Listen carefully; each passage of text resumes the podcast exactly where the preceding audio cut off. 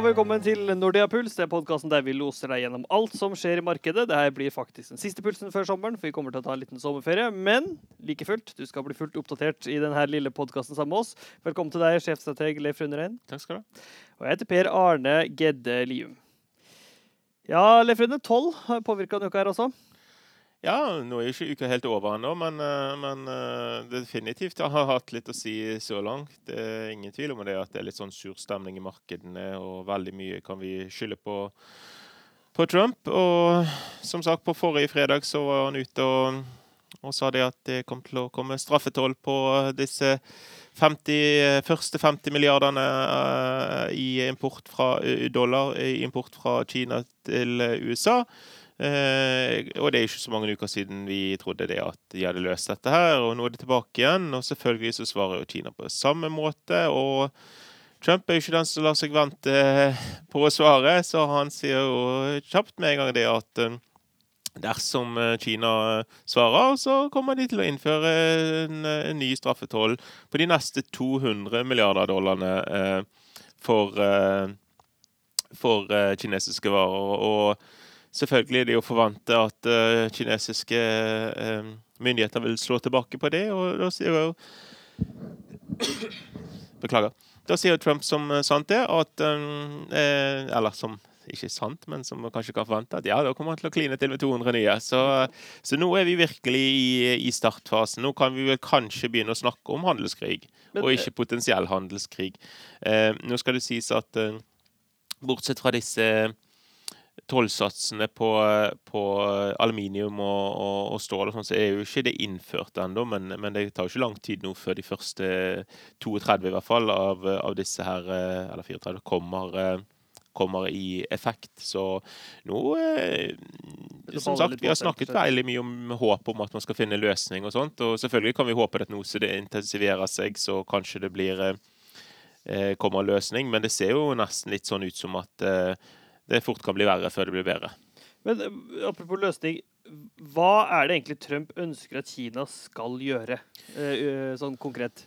Ja, altså Det er et ganske komplekst bilde. Altså, Trump har sin agenda, og Trump forholder seg i kommunikasjon veldig mye til det enkle. Og da peker han på typisk at handelsunderskuddet er stort, og det er et rent tap for, for Eh, amerikanske eh, stat, noe som er en, en, en vesentlig forenkling av, av, det bildet. Det er ikke sånn at kinesiske myndigheter kontrollerer her handelsunderskuddet sånn direkte, i hvert fall? Eh, nei, men altså, det er klart at Kina er et litt annet land enn det vi, vi er vant med her i Norge. Så det, det er nok helt klart at de kan påvirke. Men her er det veldig mange ting som, som, som, ligger der. For det første så har jo det at eh, USA er i dag eh, den eneste supermakten vi har, og her kommer Kina opp ganske raskt til å etter hvert utfordre eh, USA på det området. Så det er klart at eh, temperaturen i forhold til eh, i hvert fall enkelte deler eh, av amerikanske politikere og, og, og Trump også er jo sånn at eh, ok, dette her er en truende situasjon. Så det, det er ganske komplekst på den siden. Og så er jo Kina ganske offensiv sjøl. De har jo denne 2025-planen sin hvor de skal være ledende på mange områder. Spesielt en teknologi som USA er ledende på i dag. Mm. Og de har ganske høye det, det, høres kanskje litt rart ut, for vi tenker jo ofte markedsøkonomi. og Hvis du har et bra eh, produkt, så kanskje det er det som blir vinnende på verdensbasis osv. Men, men kineserne har jo selv, selv ganske høye eh, målsetninger om egenproduserte varer til bruk i Kina, som er litt sånn spesielt. Og det, Dette er jo noe som utfordrer selvfølgelig USA, og som selvfølgelig USA håper de skal gå vekk fra. Så eh, selv om retorikken er veldig lett med dette med handelsunderskudd, og at man ikke tar og eh, og eh, respektere patenter. Og, og sånn som f.eks. mot Canada, at de har toll på noen meieriprodukter, som kan tas som et mm. eksempel. Um, eh, alle disse lette det ligger, nok det, det ligger nok ganske mye mer bak eh, enn akkurat, eh, akkurat, det du får høre i pressen. sånn sett. Men, men likevel, hva, hva ønsker han? Ønsker han Kina på at det skal gå bort fra en del av de strategiske målsettingene sine? som måte? Det er ingen tvil om at, eh, om at amerikanerne har et ønske om det, ja. Mm. Og, og heller til at markedene kanskje gjør sitt, osv. Eh, fordi, og dette her er komplisert. fordi at hvis, Ja. du, hvis du har voldsom investering i, i, eh, i f.eks. IT eh, og i utvikling, eh, så kan man stille spørsmål ok, er dette privat kapital som driver sunn og god konkurranse, eller er dette er en statlig subsidiering av noe som forsøker å utkonkurrere andre land? Der er det jo en litt sånn flytende grense i mange tilfeller i Kina. ja, og, ja, og sikkert i mange andre land òg, for å si det sånn. Eh, Men spesielt selvfølgelig på Kina. Og, og dette ønsker de å gjøre noe med. Hvor mye man lykkes med dette, det, det gjenstår å se.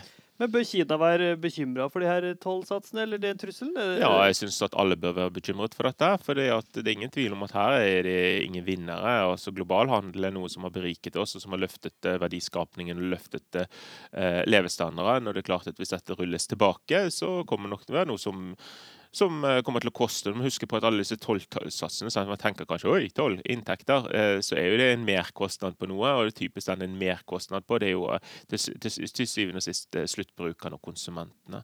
Og det gjelder, så, så, så, det gjelder både amerikanske konsumenter og kinesiske konsumenter og alle andre som måtte bli rammet av dette.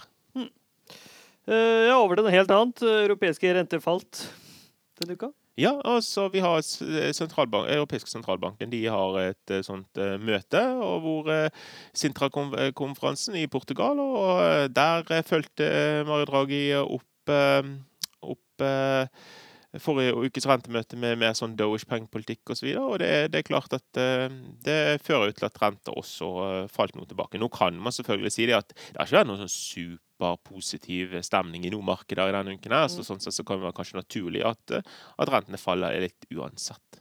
Norske renter ble, skjedde heller ikke noe. Nei, nei, nei, absolutt ikke. Det skjedde ikke sånn at de holdt det uendret. Men det er klart at det, det virker som mange måter bekrefter den rentehevingen i september. Og det er klart at kronen bevegde jo seg litt på det og, og, styrket seg litt på bakgrunn av det. Noe som, da markedet endelig ser at ok, nå kommer den rentehevingen. For det Vi ble har, nesten vi har slått snakket fast at den kom, omtrent.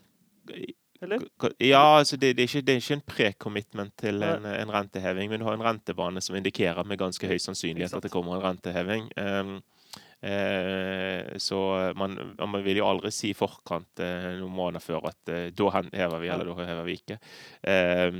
Men men uh, dette har jo vært så egentlig som vi i hvert fall i Nordea forventet oss. Da, og nå fikk vi jo slags, uh, på mange måter en bekreftelse på at det er det som kommer til å skje.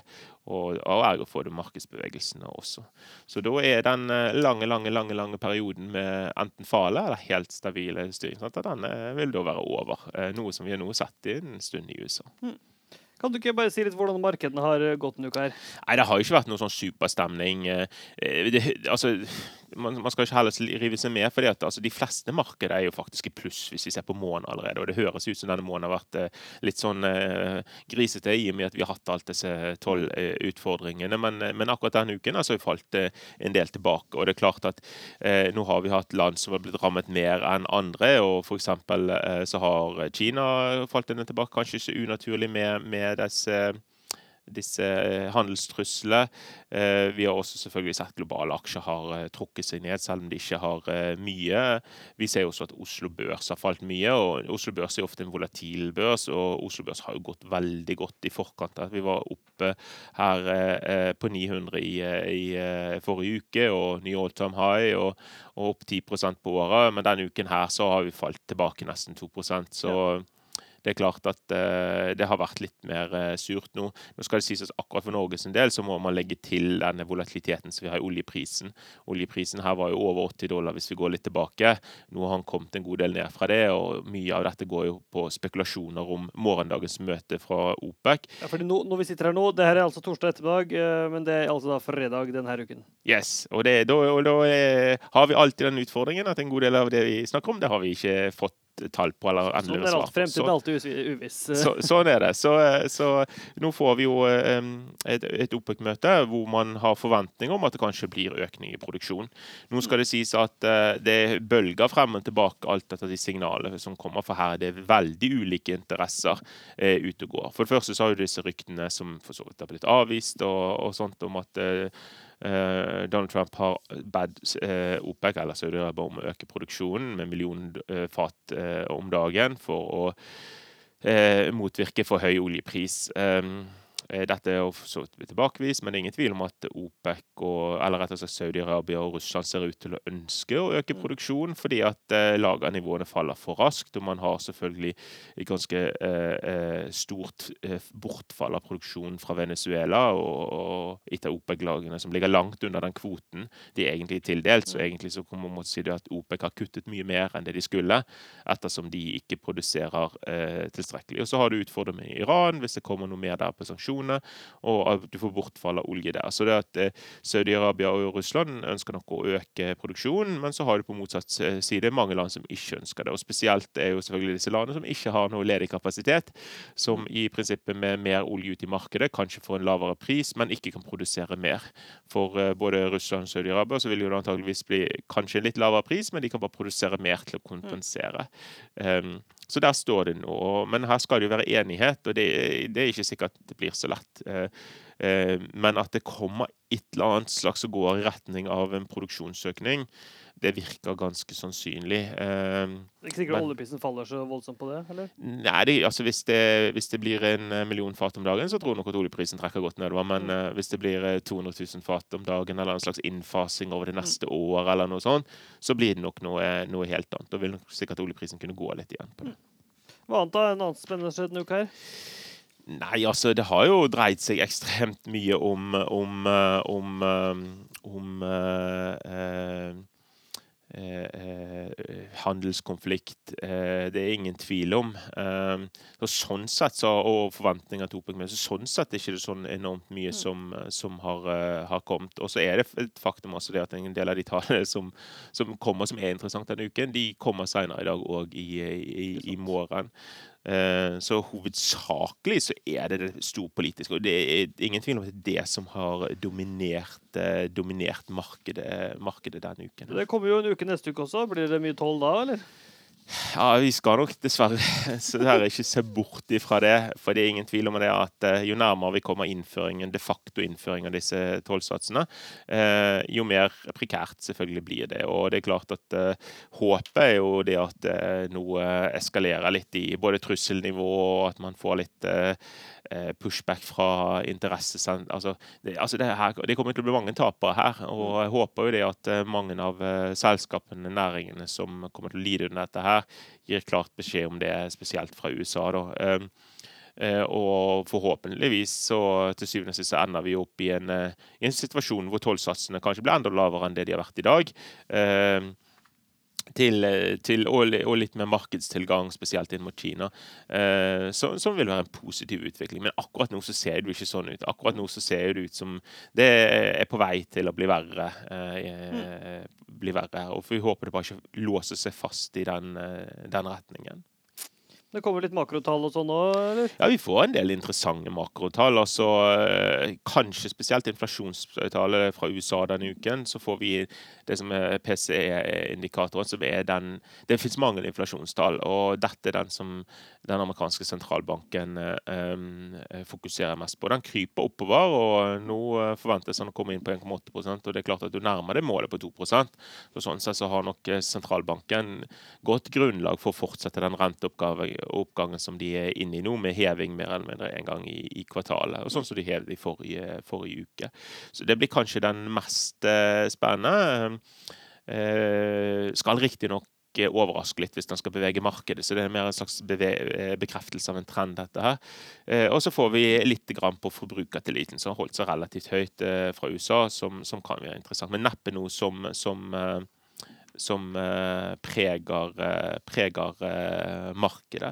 Fra USA, da, nei, unnskyld, fra, fra, fra Europa derimot, så, så, kan det kanskje bli litt mer interessant. og Da, får vi en del inflasjonstall som selvfølgelig kan, kan påvirke litt. Men det er litt sånn kanskje å trekke frem. Det er kanskje ikke den vi trekker mest frem, men, men vi får den tyske IFO-indeksen, som er én av flere indikatorer. Men, men den, den, den, peker jo på hvordan det går for tysk økonomi. Og mm. nå har vi hatt tre måneder med fallende eh, ledende indikatorer, og da spesielt disse innkjøpssjefsindeksene, eller PMI-ene som vi normalt sett eh, snakker om, eh, for Europa. Og det er klart at eh, eh, det har falt lenger enn vi har trodd, og nå er jo trenden satt. og mm. sånn sett Hvis dette fortsetter, så er det jo klart at det, det går svakere i i eh, Europa enn det som er forventet nå. Det, det, så vi faktisk også fra ECB når de kom på sitt rentemøte, at de senket også vekstforventningene sine i, eh, i, eh, i, i eurosonen. Fremdeles på et høyt nivå.